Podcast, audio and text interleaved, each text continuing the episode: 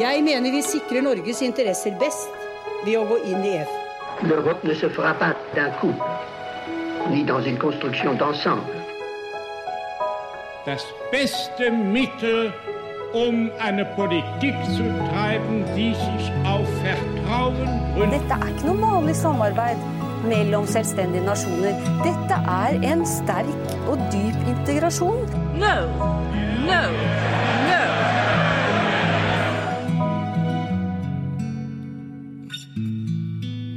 Velkommen til Det europeiske kvarter, en podkast om europeisk politikk og historie med Lise Rye og meg, Kristine Graneng, ved programmet for europastudier på NTNU. I denne episoden så har vi tatt turen fra Trondheim og ned til København. Og anledninga for det, det er at det er 50 år siden det var folkeavstemning i både Norge og Danmark om medlemskap i det som da het EF. Den 25. september 1972 så stemte Norge nei for første gang til å gå inn i EF, som da etter hvert ble europeiske, Den europeiske union, mens eh, bare ei uke etter, den 2. oktober, så var det et ganske overveldende flertall som sa ja i, i Danmark. Så i 1972 så valgte Norge og Danmark veldig ulik vei. Likevel så er det ganske mange likheter i hvordan de to landene har forholdt seg til EU. Og både forskjellene og likhetene skal vi snakke mer om i denne episoden. Og med oss i en hotellobby i København så var vi så heldige å få to danske historikere for å snakke om nettopp det her.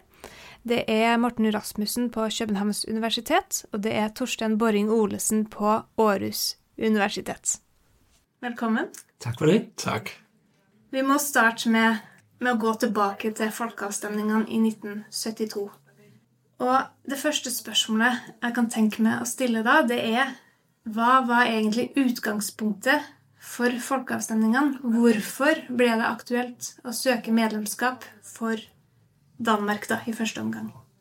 Ja, man kan jo sige, at Danmark var en del af sådan en vesteuropæisk øh, handelsliberaliseringsproces, som Norge jo også var på mange måder. Men øh, dansk handel var delvis industrihandel, der gik til øh, bredt til de europæiske lande, men så havde vi landbrugshandlen, der gik især til Storbritannien og til Tyskland.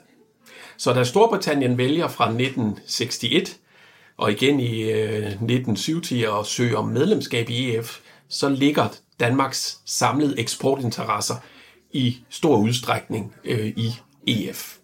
Og vi taler 70-70 øh, procent af af øh, eksporten, der går til det udvidede EF, det EF, hvor Storbritannien og måske Irland og Norge så også var medlem, og langt hovedparten af landbrugseksporten.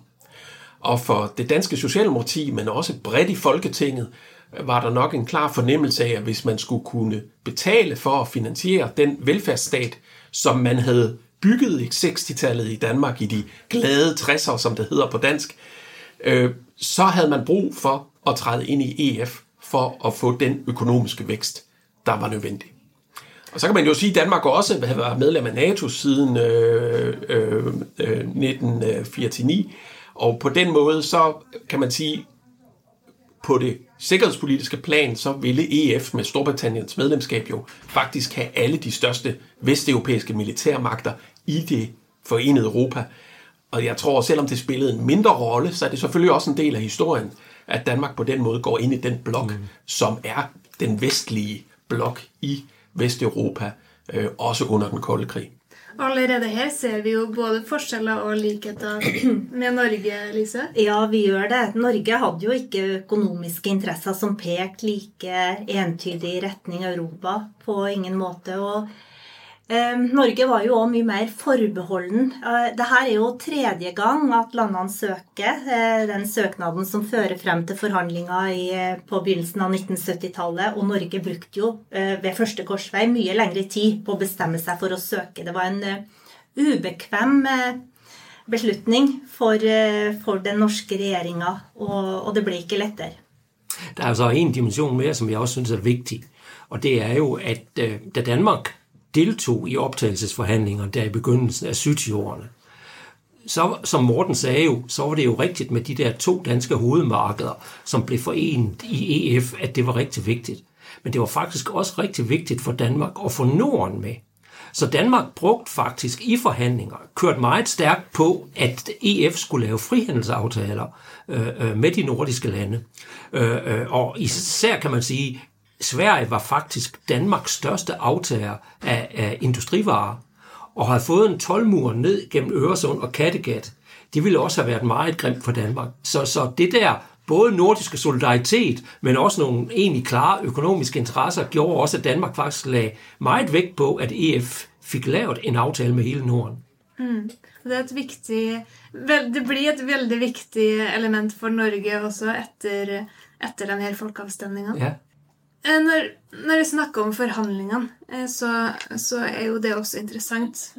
Hva var forskjeller og hva var likheter mellom Danmark og Norge når de gikk inn i medlemskapsforhandlingene? Hva var det som ble viktige tema for Danmark, Martin?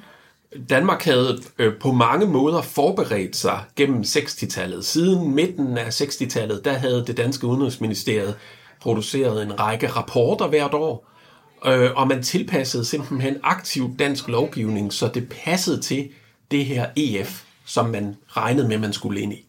Og det vil sige, at den danske udgangspunkt forhandlingsmæssigt, det var, at man ville have så kort en overgangsordning som muligt, fordi man ønskede i virkeligheden fuldt medlemskab med det samme.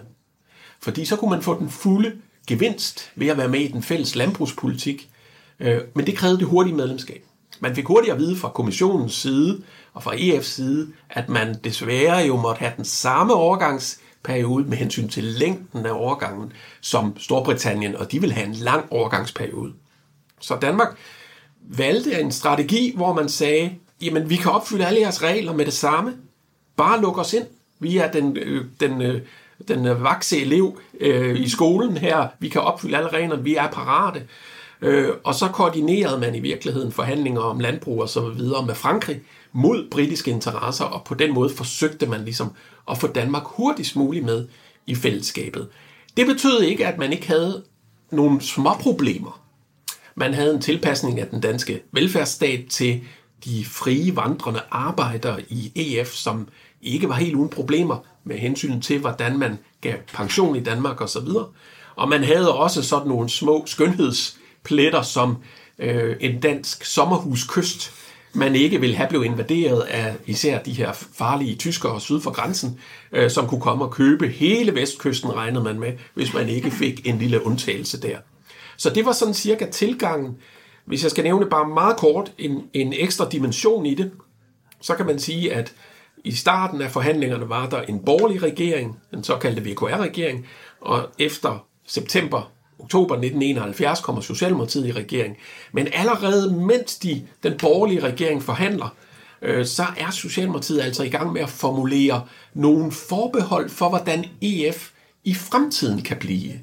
Og man formulerede altså forbehold, hvor man sagde, at man vil ikke være en del af en økonomisk monetær union, øh, man vil ikke afgive suverænitet på skatteområdet, hvis det betød, at den danske velfærdsstat så skulle laves om.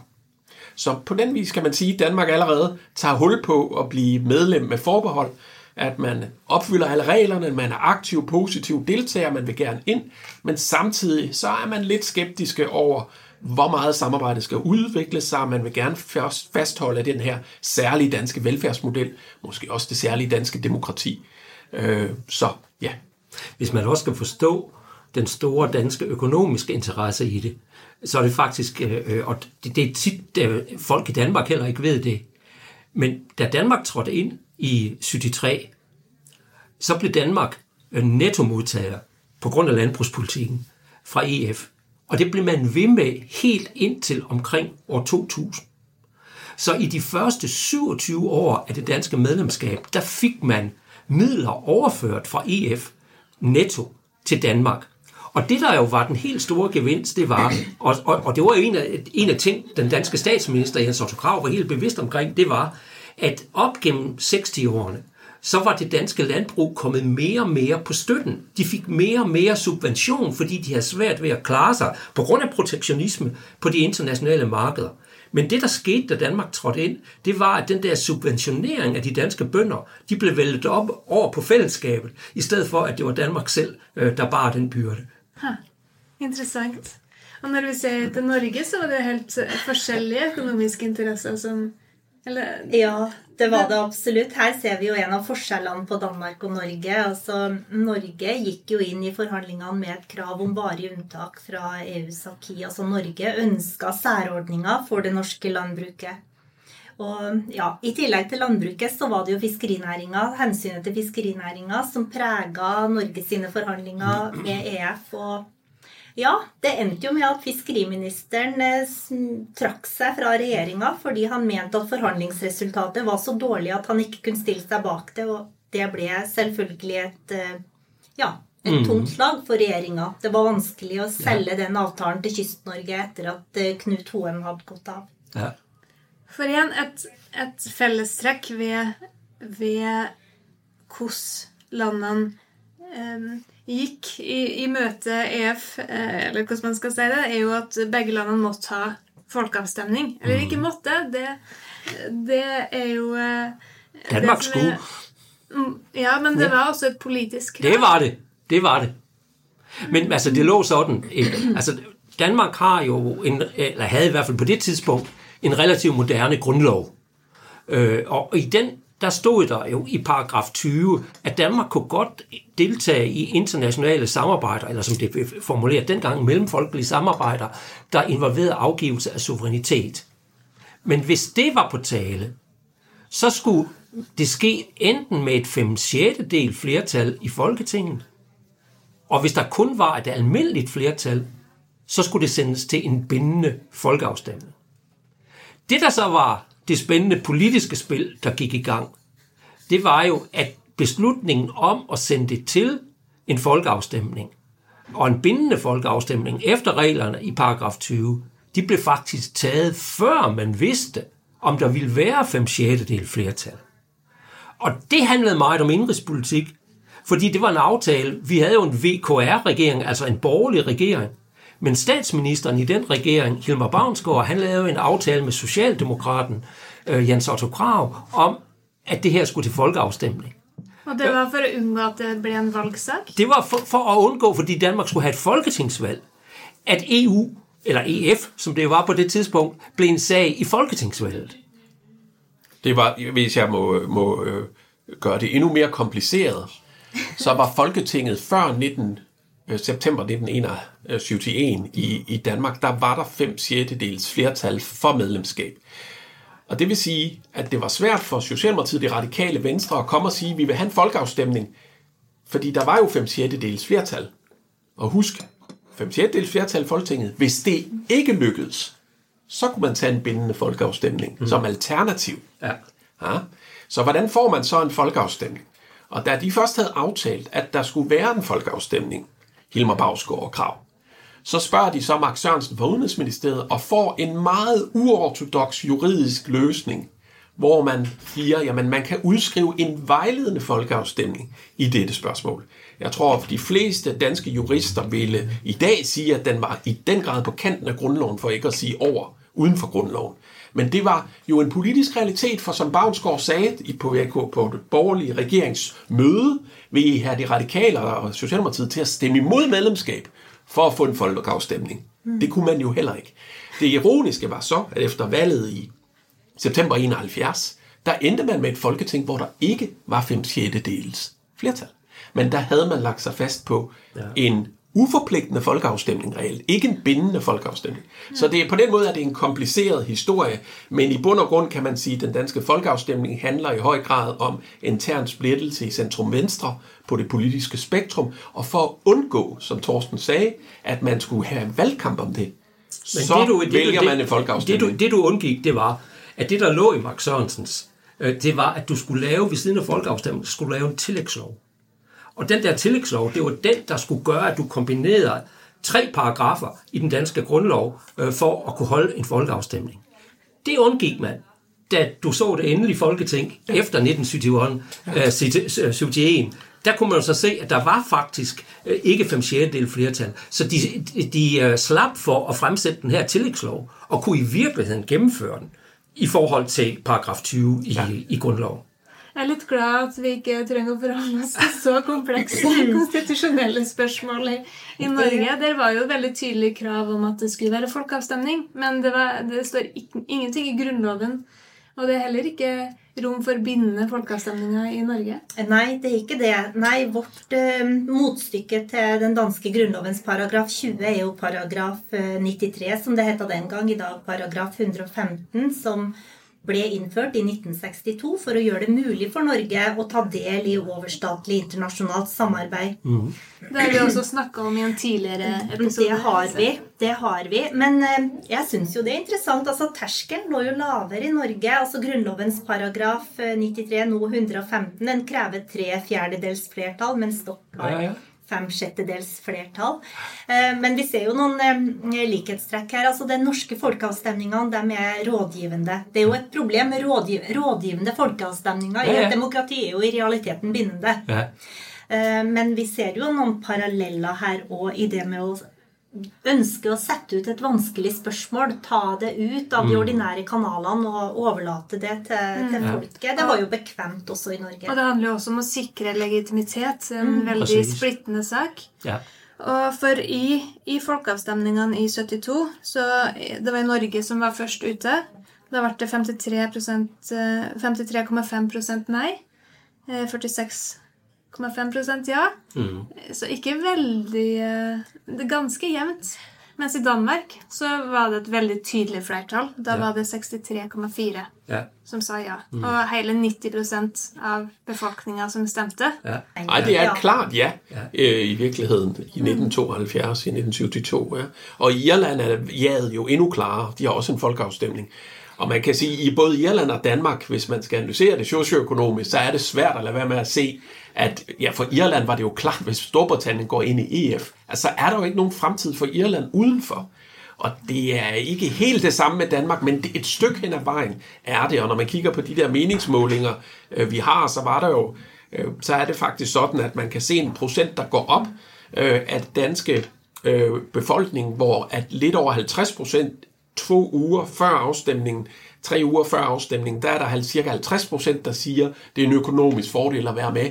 Men til afstemningen deromkring, så er det faktisk 66 procent, der siger, vi skal med, fordi det er en økonomisk fordel. Mm. Så den sidste uge af kampagnen efter Norges nej, hvor man virkelig slår hårdt på, Danmark skal med for økonomiens skyld, det ser ud til, at det virker på befolkningen mm. og er med til at afgøre. Og nu kommer du jo ind på noget, som jeg synes er veldig interessant, og det er jo, når man ser på argumenterne på ja-sida i, i Danmark og Norge, og på nej-sida i Danmark og Norge, så er det veldig likt. Man ser at det er de økonomiske argumenterne mm. som er sentral på ja-sida, og så er det de mer politiske argumenterne, det som handler om suverenitet, som, som står sterkt på nej-sida. Og spørsmålet mitt da er hva er det som gjør at det lykkes i Danmark å overbevise om at det er de økonomiske argumentene som veier tyngst, mens det ikke gjør det i Norge? Jamen det tror jeg det er jo fordi at det økonomiske argument det er entydigt klarere i Danmark. Men man kan godt stille, og det, det synes jeg jo er interessant, fordi det bliver ofte sådan, altså der er ingen, der er ingen tvivl om, at der er nogle klare økonomiske fordele. Jeg har lige fortalt om det der med, hvordan vi fik valgt det, det der med landbrugs, øh, hvad skal man sige, øh, øh subventionering over på EF, øh, og at Danmark blev netto-modtager. Men man kunne jo godt øh, kontrafaktisk stille sig det spørgsmål. Hvad var der sket, hvis danskerne også havde stemt nej?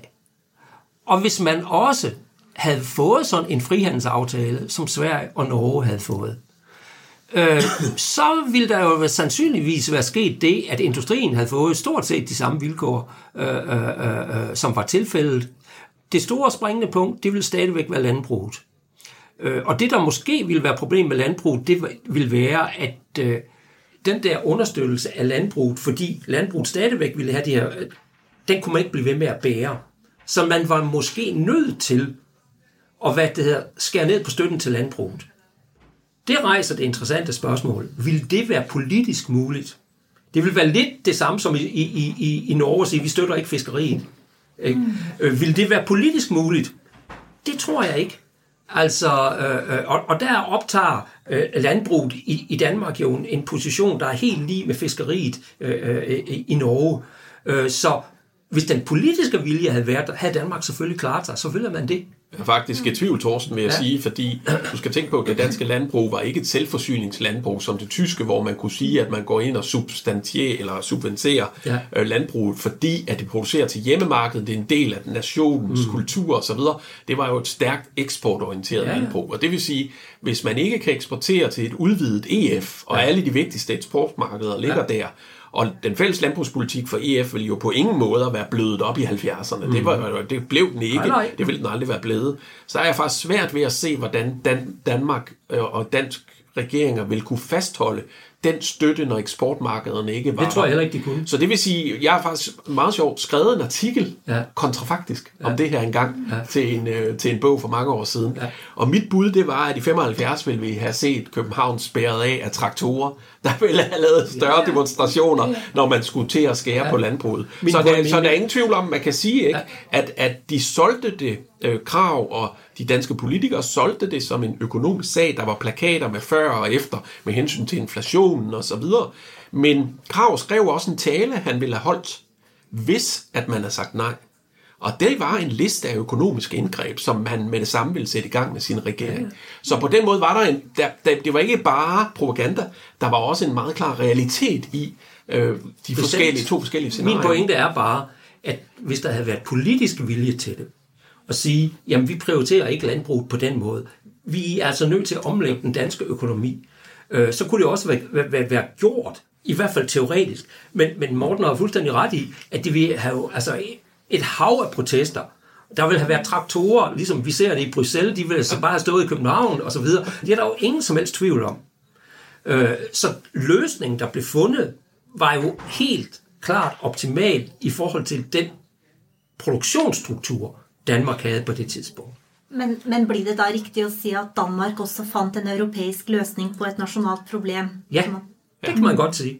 Mens i Norge var det ganske motsatt. Ja. Ja. Der fant man ikke en europeisk løsning på, Vel. på Nå, nå skal vi passe oss for å bli for detaljert. Jeg tror ikke at den norske avtalen, den avtalen som Norge forhandla fram, var veldig dårlig. eh, Men man klarte iallfall ikke å Men man overbevise. klarte ikke å overbevise om det. Nei, det gjorde man ikke. Både på fiskeri og landbruk. Kanskje er det nettopp der den store forskjellen ligger. Ja. Ja, jeg tror nok at den største forskjellen ligger i det som Torstein har vært inn på, at i Danmark så pekte de økonomiske interessene så entydig mot et marked. Morten, du var også inn på det. Hvis nærmere 80% av eksporten samles i det britiske og tyske markedet, da har du egentlig ikke noe valg. Nej. Og man har et valg, men det koster at sige nej, ligesom det gør for Storbritannien nu Ja. i Brexit-processen. Ja. At det er ikke gratis. Man kan godt melde sig ud, man kan lade være med at melde sig ind, men gratis er det ikke. Nei, du får ikke både pose og sekk. Nej, det gør du ikke. Men man kunne måske, hvis man skulle tilføje øh, for noget om Norge, så kan man sige, at, at øh, med det jeg ved om, om øh, udvidelsesforhandlingerne i starten af 70-tallet, så var det store norske jo problem fiskeriet. Og problemet var ikke bare, at Norge havde øh, en masse fisk, øh, fordi det er jo sjovt med fisk. De yngler måske i de danske farvande, men når de så bliver store, så svømmer de måske til Norge eller til Storbritannien, og så bliver de norske og britiske fisk, og ikke danske. Og det er klart, EF var jo før udvidelsesforhandlingerne i gang med, og med vilje, startede lynhurtigt op og lavede øh, starten på en fælles fiskeripolitik. Og selvom EF strakte sig så langt som fællesskabet kunne, ved i virkeligheden jo at garantere Norge, at man vil finde en fælles løsning, der virkelig tog norske interesser med i spillet efter en overgangsordning.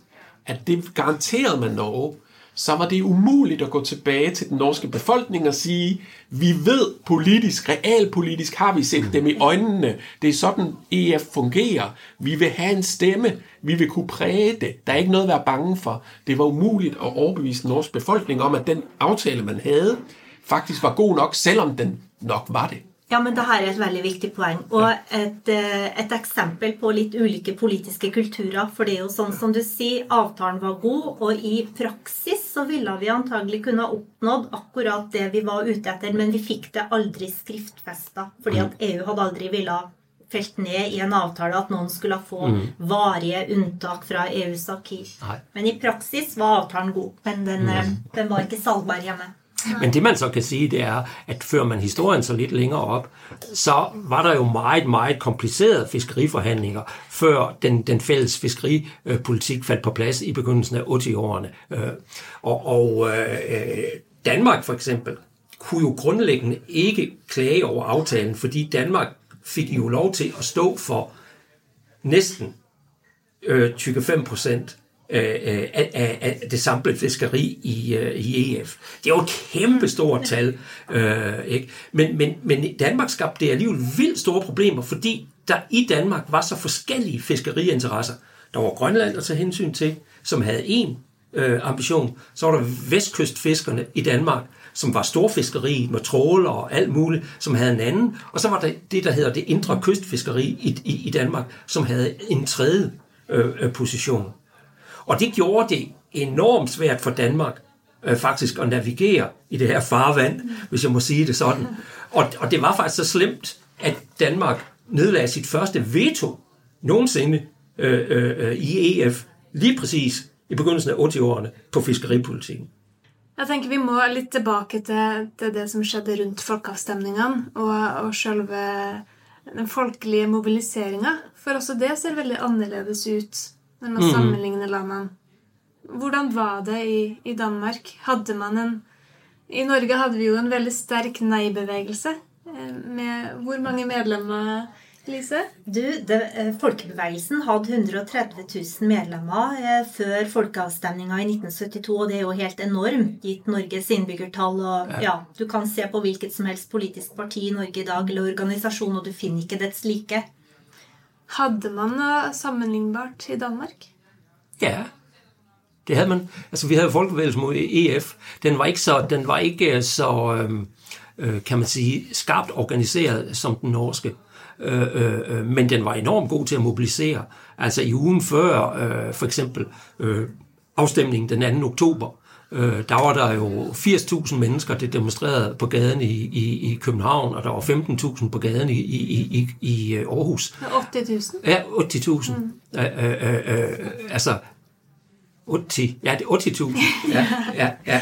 Øh, og øh, det er jo rigtig mange mennesker, og de var rigtig gode til at lave det her mobiliserings. Øh, og de havde nogle meget også, de havde nogle ret vilde øh, annoncekampagner. De havde jo ikke så mange penge, men de lavede en meget sådan annoncekampagne, der slog meget igennem. Men også fordi den var på kanten af, hvad der var rigtigt. Altså, den ene, de lavede en stor øh, annonce, øh, der, kom i de store aviser, under overskriften Status Holland. Og der fortalte de så historien om, hvor ringe det var gået hollænderne i øh, EF. Og den var så slem, så den hollandske ambassade øh, simpelthen protesterede over øh, øh, annoncen, fordi den sagde, at det der, det er simpelthen ikke et, ret, øh, øh et retfærdigt billede af, hvordan tilstanden er. Økonomisk? Jamen, det var politisk, økonomisk, og folk... Ja. Altså, den, den stod, at, at, at folk sultede, folk slåssede på gaden, der var demonstrationer, og Holland hang slet ikke sammen. Nej, da forstår jeg, at ja. nederlænderne ja. ja. protesterte. Ja. Men det var jo en veldig spesiell tid eh, folkeavstemningene yeah. tok eh, fant plass også. På starten av 70-tallet. Det var jo en veldig en periode med sterk folkelig mobilisering. Det var det jo. Man kan sige, at den danske folkebevægelse var jo ikke på samme måde som den norske forankret i socioøkonomiske interesseorganisationer. Godt nok var fagbevægelsen arbejderbevægelsen var splittet i Danmark. Mm. Men det var ikke sådan, at de fagforbund, der endte med at stemme nej, gik direkte ind og betalte og promoverede folkebevægelsen. Det holdt de så trods alt fra, så vidt jeg ved. Så, så i virkeligheden, så kan man sige, at der var den danske folkebevægelse et mix af den yderste venstrefløj, kommunisterne og SF til delvis, og så 8, ja, hvad hedder det, 68'erne hedder det i Danmark, 68'erne, ja, uh, ungdomsbevægelsen der fra, fra den store kulturrevolution, mm. som jo også fyldte rigtig meget i Danmark, også i det Socialdemokratiet, på deres venstrefløj. Øhm, og det kan være, at vi kommer tilbage til nogle af de politikere senere, for de kommer faktisk til at præge Danmark i 80-tallet og i 90-tallet. Øhm, og så fra den yderste højrefløj, hvor man havde en række anti-EEC-komiteer, som de hed, som jo i høj grad talte om øh, fjendskabet til Tyskland og national suverænitet og den slags. Så det var et mix af de her øh, organisationer. Men som, som Torsten rigtig sagde, øh, så manglede man midler. Men på den anden side, så kan man sige, at på ja-siden, der havde man også øh, en mangel på koordination for det første, fordi fagbevægelsen var splittet, så betalte de ikke, selvom landsorganisationen LO øh, støttede medlemskab samlet set og tog en afstemning om det. Den var snæver, men de vandt til ja-siden. Øh, Øh, så ville man ikke støtte Socialdemokratiet finansielt, så Socialdemokratiet havde ingen penge at føre kampagne for. Og det var altså først, da Dansk Industri i de sidste tre uger først begyndte for alvor føre en kampagne, der samarbejdede de med Socialdemokratiet øh, i hemmelighed for at få de rigtige budskaber frem, især om de økonomiske konsekvenser ved nej. Så på den tid kan man sige, at kampagnen var, var voldsom. Det var en, en splittelse i Danmark. Det var virkelig politiseret debatteret, som man måske også skulle tænke, at det burde være, når man tager så stor en beslutning for sit lands fremtid.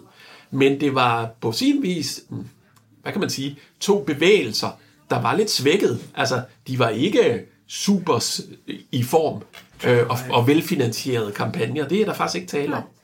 Nej, det er også, men, men det er vigtigt i det overordnede billede at slå fast, fordi det ændrer sig nemlig senere, at det var venstrefløjen, der drev øh, øh, EF-modstanden på det her mm. tidspunkt. Der var, som Morten sagde, de her yder, yder højre grupper også, og nogle enkelte erhvervsledere og sådan noget. Mm. Men det var helt klart venstrefløjen, der var i front i uh, uh, EEC-modstanden, mm, som det, jo hed det på det tidspunkt. Det kjenner man jo igjen i, ja. i mange land i ja. den her ja. Storbritannia, for ja. eksempel. Det ja. Labour var, ja. Ja. var mer kritisk. Ja. Men hvordan så det her bildet ut i Norge, Lise? Hmm litt annerledes, i den forstand at nei-bevegelser i Norge er bedre finansiert. Den eh, nyter godt av støtte fra landbruket og fiskerinæringa sine organisasjoner. Men du har jo samtidig et veldig ujevnt forhold i den forstand at altså, regjeringa gikk jo tydelig ut og anbefalte et, et ja i folkeavstemninga. LO, NHO, de store mm. avisene eh, det, det, var en sterk ja-allianse som gjør eh, nei-seieren da desto mer sånn, imponerende sånn politisk strategisk. Mm. Og så ble det altså ja i Danmark og, nei i Norge. Og siden da så har det fulgt 50 år med dansk medlemskap. Og vi, må snakke litt om den perioden også, før, mm. vi, før vi, går inn for landing.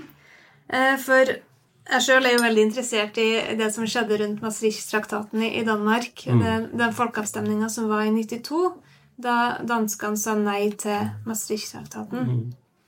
Og det har jo blitt veldig betegnende for det danske medlemskapet. Ja. Som eh, Danmark som en, litt eh, nølende mm. eh, nølende medlemsland. Mm. Med forbehold. Ja. Ja. Man kan sige ikke, at det forbehold kom allerede, da man forhandlede i starten af 70'erne, mm. som vi nævnte, øh, at man allerede der sådan lidt siger, men skattepolitik, økonomisk monetær union, men også i virkeligheden institutionelle reformer af EF-samarbejdet vil Danmark ikke nødvendigvis støtte.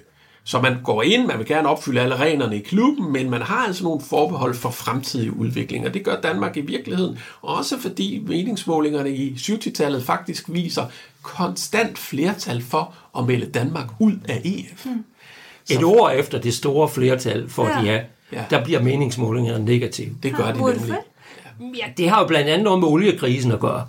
Ja. Øh, og, og problemet det er, at øh, oliekrisen kommer til at skjule de store øko- økonomiske gevinster, som ja-siden har været. De er der sådan set. Men på grund af de der, den der inflation og den der enorme stigning i råvarer, der sker på, på verdensmarkedet, så får det for borgeren, kommer det for borgeren til at se ud som om, at det er EF's skyld, at ja. det hele er blevet dyrere. Ikke? Så man ser ikke de økonomiske gevinstene. Nej, nej. Så Men, det er jo på en måte et varsla, det som kommer med Maastricht.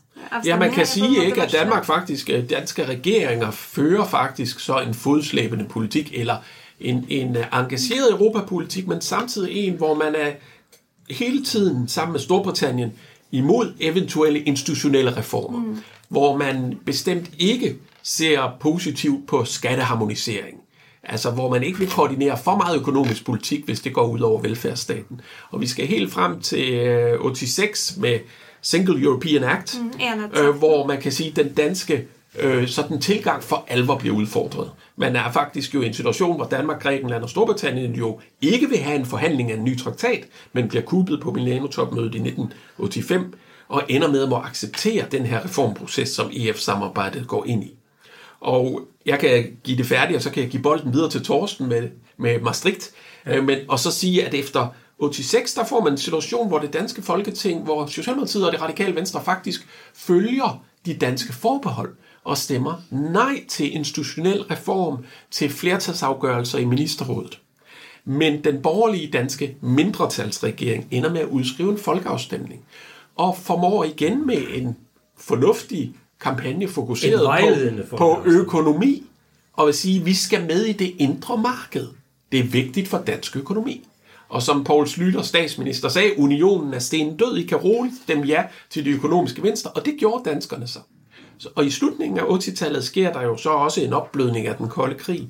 Og danske politikere i det radikale venstre og Socialdemokratiet ændrer faktisk kurs, og bliver også fordi de tabte den folkeafstemning, og ender med at blive vældig meget mere pro-europæiske. Så vi når faktisk en situation sidst i 80-tallet, mm. hvor det brede danske flertal i Folketinget er på vej til at opgive den forbeholdende holdning. Men så sker der noget, Torsten, jo, når vi når frem til Maastricht. Ja, men jeg synes måske, der, der faktisk er en episode inden, som er rigtig interessant. Og det er jo i 1979 øh, indførte man jo det direkte valg til Europaparlamentet. Og den udfordring havde Socialdemokratiet, og den siger meget om tilgangen, enormt svært ved at håndtere. Statsminister Anker Jørgensen, han var fuldt og helt for det.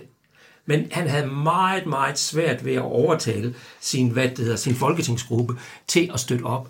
Og så lavede Socialdemokratiet, og det var inspireret af en, en figur, øh, som han, han var jo øh, udenrigsøkonomiminister øh, Ivar Nørgaard. Han fik lavet et kompromis, der sagde, at okay, Danmark vil acceptere det frie valg på to betingelser. Det ene det var, at de medlemmer, man sendte ned til Folketinget, de skulle udgå fra Folketinget. Mm. Det andet det var, at øh, afstemningen skulle holdes samme dag, som man holdt folkeafstemning i Danmark. Eller, Eller hvad det er, undskyld, folketingsvalg, ja. folketingsvalg i Danmark. Øhm, og det var jo to dødfødte krav. De var dødfødte, fordi der var ingen i EF-systemet, der ville acceptere den. Men det danske system ville heller ikke øh, bakke op om den. Altså, der kunne simpelthen ikke opnås flertal for det. Og, og regeringen blev skoset for, øh, at den ikke ville være demokratisk, og øh, den stillede alle mulige mærkelige krav øh, til det her. Og statsministeren selv synes, det, det var håbløst. Ikke? Men, men baglandet i Socialdemokratiet var altså følsom på de her ting. Og det er faktisk det samme, der også sker i 86, fordi ledelsen er egentlig indstillet på at acceptere den. Men de kan ikke få flertallet i folketingsgruppen øh, til at gå med på det. Øh, og øh, derfor øh, kan man sige, lederskabet omkring Anker Jørgensen og Svend Augen, de siger så, om vi må gå, så, når det er sådan, det er følelsesmæssigt for omkostningsfuldt på partiet at sige ja. Så selvom de er egentlig personlige i den retning, så, så bliver det faktisk sådan, at partiet siger nej. Og så det, der er interessant, det er, når Slytter så udskriver en folkeafstemning, så er det ikke efter paragraf 20. Det er en vejledende folkeafstemning. Og det kunne han jo godt gøre, men Socialdemokratiet og de radikale, som Morten lige har nævnt, øh, de kunne bare have sagt, jamen det accepterer vi ikke. Det gjorde de ikke. De sagde, okay, vi accepterer resultatet. Og det blev så til alles overraskelse ja. et ja. Og så er du så inde i den der proces, hvor Socialdemokratiet på grund af den, det siger de, okay, nu er det altså tid, vi skifter. Vi er nødt til at være meget mere positive, og Svend Augen siger det lige omkring murens fald, hvor han går ind og siger, Socialdemokratiet har alt for længe overladt europapolitikken til de borgerlige partier. Vi må på banen nu. Og derfor går de meget aktivt ind i hele den her proces i Maastricht-traktaten. Det store problem er så bare, at der, der så er folkeafstemning den 2. juni 92 omkring det her. Mm, så man har haft en proces der politikerne ja, har præcis. ændret sig, mens folket på en præcis. måde hænger igen i det, som har præcis. været signaliseret helt siden... Fordi det, som opinionsundersøgelser efterfølgende kunne vise, det var jo, at det blev et nej, især fordi Socialdemokratiet ikke kunne holde styr. Kun en tredjedel af de socialdemokratiske vælgere stemte ja til Maastricht. Mm. En ting, som jeg synes er veldig spændende rundt Maastricht. Ja. Det, det, her er jo den traktaten som gjør EF til den europeiske union. Ja. Og det jeg synes er spennende, er nettopp det her unionsbegrepet, og hvordan det blir forstått i, i Danmark og i Norge. Mm. For jeg har tenkt at det, med union er veldig særnorsk. Fordi man har, Norge har den historien man har med den danske ja. ja men det er også et problem i Danmark. men ja, i Danmark er det også ja, det er det. Ja. Du kan jo se min, min forrige bog, den hedder Kampen mod, øh, mod unionen, mm. ikke? Øh, og øh, at bruge union var også virkelig et, et, et, et argument på nej-siden. Man brugte alt det, man kunne. Sige, det er en trussel med union, det er en glidebane. Det er sådan en metafor i hele den danske europadebat. Det er glidebanen mod unionen. Mm. Den går gennem den starter i 70-årene, du ser den i 80-årene, du ser den i 90-årene, øh, du ser den. Det er en vedvarende metafor. Og, og det er fordi, det der med union, indlejret i det, i 1972, der talte man om Romunionen. Og det emmer lidt af katolikker og, og øh, af alt muligt andet. Ikke? Så det har bestemt også en negativ klang i Danmark, selvom ligesom i Norge, ikke at politikeren sagde, at det er jo ligesom Dansk Boldspilunion, altså fodboldorganisationen, mm. ikke? Altså, øh, men man det var... har jo også eksempel fra ja. norsk debat, der man prøver, ja, som du nævnte, Torsten. Ja. Der man prøver at sælge en union som noget positivt. Ja, ja da, det har man. Eh, det er klart, eh, Gro Harlem Brundtland for eksempel, hun forsøgte jo på 1990-tallet å forklare at når man snakket om union i EF, så eh, mente man ikke en ja, en union lik den som Norge hadde vært i med Danmark. Det var mer snakk om forening. altså Hun gjorde det til semantikk på en ja, måte, ja. Og, mm. og, sa at vi måtte huske at det var jo det samme begrepet som vi bruker i fagforening, som vi gjerne assosierer med noe positivt da, i, i Norge. Men det gikk jo ikke hjem. altså det andre, Den andre forståelsen av union hadde jo en så mye tyngre historisk, kulturell mm. bagasje. Så ja. Sterke språklige assosiasjoner ja. til ordet union. Det er jo veldig interessant med, med at union kan forstås på så forskellige måder, mm. fordi man kan sige, at den danske forståelse med Romunion og katolicismen og måske et frygt for en føderal øh, stat eller union øh, ligger jo milevidt fra den norske reference, som er unionen med Danmark og unionen med Sverige. Mm. Men man kan sige, at det der er det, er det rigtig sådan ironiske, hvis man vil, det er, at hvis man kigger på de folk, der arbejdede i kommissionen, i Delors-kommissionen, og den europæiske establishment, så var der nok et ønske om, at man med Maastricht-traktaten ville have fået en traktat med en enkel struktur og med en meget mere føderal øh, natur. Så hvis man interviewer embedsmænd for kommissionen fra den tid, så ser de som det helt store nederlag for det føderale Europa. Så det vil sige, at i virkeligheden var den europæiske union, der kom, ikke den union, som man i den danske offentlighed frygtede, den frygtede føderale union. Man kan faktisk godt sige, at Poul Slytter havde helt ret. Unionen var stendød. Den føderale union var stendød. Den havde han måske fanget. I virkeligheden var den union, man fik jo en union, der var formet omkring det europæiske råd, hvor regeringslederne og præsidenterne sidder og forhandler de store spørgsmål på plads og peger i retningen af den vej, som kommissionen og EU-samarbejdet skal bevæge sig. Det vil sige, at vi har altså en meget mere eksekutivmagtstyret, regeringsstyret, statsstyret, kollektiv union, end vi har en føderal union i dag. Og man kan sige, så på den måde er der en vis ironi øh, med den her frygt for unionen. Det er i hvert fald ikke den føderale union, man Nej. skulle være bange for, hvis man ikke gik ind i EU. Der er mange ironier. I min nye bog, som jeg udkom i den her uge, der har jeg en, en plakat fra det, der tidligere var Danmarks Kommunistiske Parti. Der ved murens fald bliver de til et parti, der hedder Enhedslisten. De har sådan en plakat op til Maastricht-afstemningen, hvor de viser sådan en marcherende øh, person, måske en kapitalist, jeg, jeg har svært ved, eller en militarist, jeg, jeg kan ikke helt aflæse det. Men det, man i hvert fald kan læse, det er, at øh, de gør grin med, at det er ligesom Sovjetunionen. Men fire år forinden, så det samme parti, eller i hvert fald de samme mennesker, ikke? De var jo helt opbakket omkring Sovjetunionen, og nu bruger de det så i deres øh, propaganda mod EU. Det er simpelthen fantastisk. Ikke? Og siger så også noget om, hvor stærk historien rent faktisk øh, red på det der tidspunkt. Ikke? Der var virkelig store forandringer. Ikke? Vi kan snakke længe om det her, om, om Danmarks forhold til, til EU. Og, og det er mye at hente, tænker jeg, ved at sammenligne dem, Norge og Danmark, og også de øvrige nordiske landene, hvordan man har forholdt seg til Europa. Jeg tror kanskje vi må gå inn for landing i denne episoden.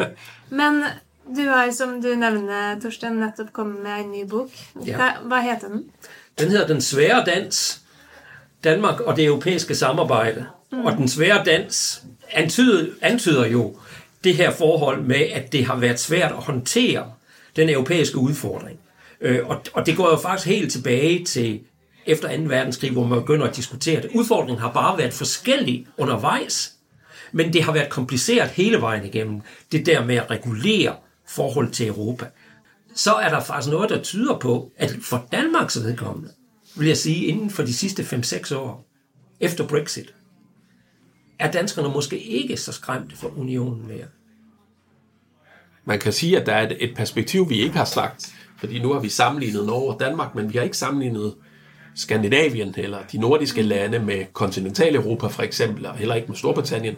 Men man kan sige, at i efterkrigstiden, efter en verdenskrig, der vokser der faktisk i de kontinentaleuropæiske lande frem. Alle de lande har på en eller anden måde tabt krigen. Det har Danmark og Norge jo i virkeligheden også, men har måske ikke samme følelse af, at vi har tabt krigen, trods, trods at vi også blev besatte af Tyskland. Men de kontinentale europæiske lande, der vokser en politisk kultur frem, hvor man ser det forenede Europa, og hvor der er en relativt bred folkelig bevægelse og en meget stærk forandring, især i centrum højre med de kristdemokratiske partier, men også til en vis grad i mange lande i centrum venstre. Og den politiske kultur blev ved med i hele efterkrigstiden, helt til i dag, at arbejde for føderale modeller for et mere forenet Europa, for et stadig snævrere samarbejde, og ser det som både et redskab for økonomisk vækst og stabilitet, men også for fred og en europæisk, hvad kan man sige, udvikling af europæisk magt. I Danmark og Norge og Sverige, der kommer vi ud af en verdenskrig med en anden mentalitet, og hvis man skal lede efter en folkelig bevægelse for samarbejde, så er det jo i virkeligheden øh, den nordiske forening, hvor i Danmark tror jeg, man har et medlemstal på mellem 60 og 100.000 Ja, ja. i slutningen af 40'erne.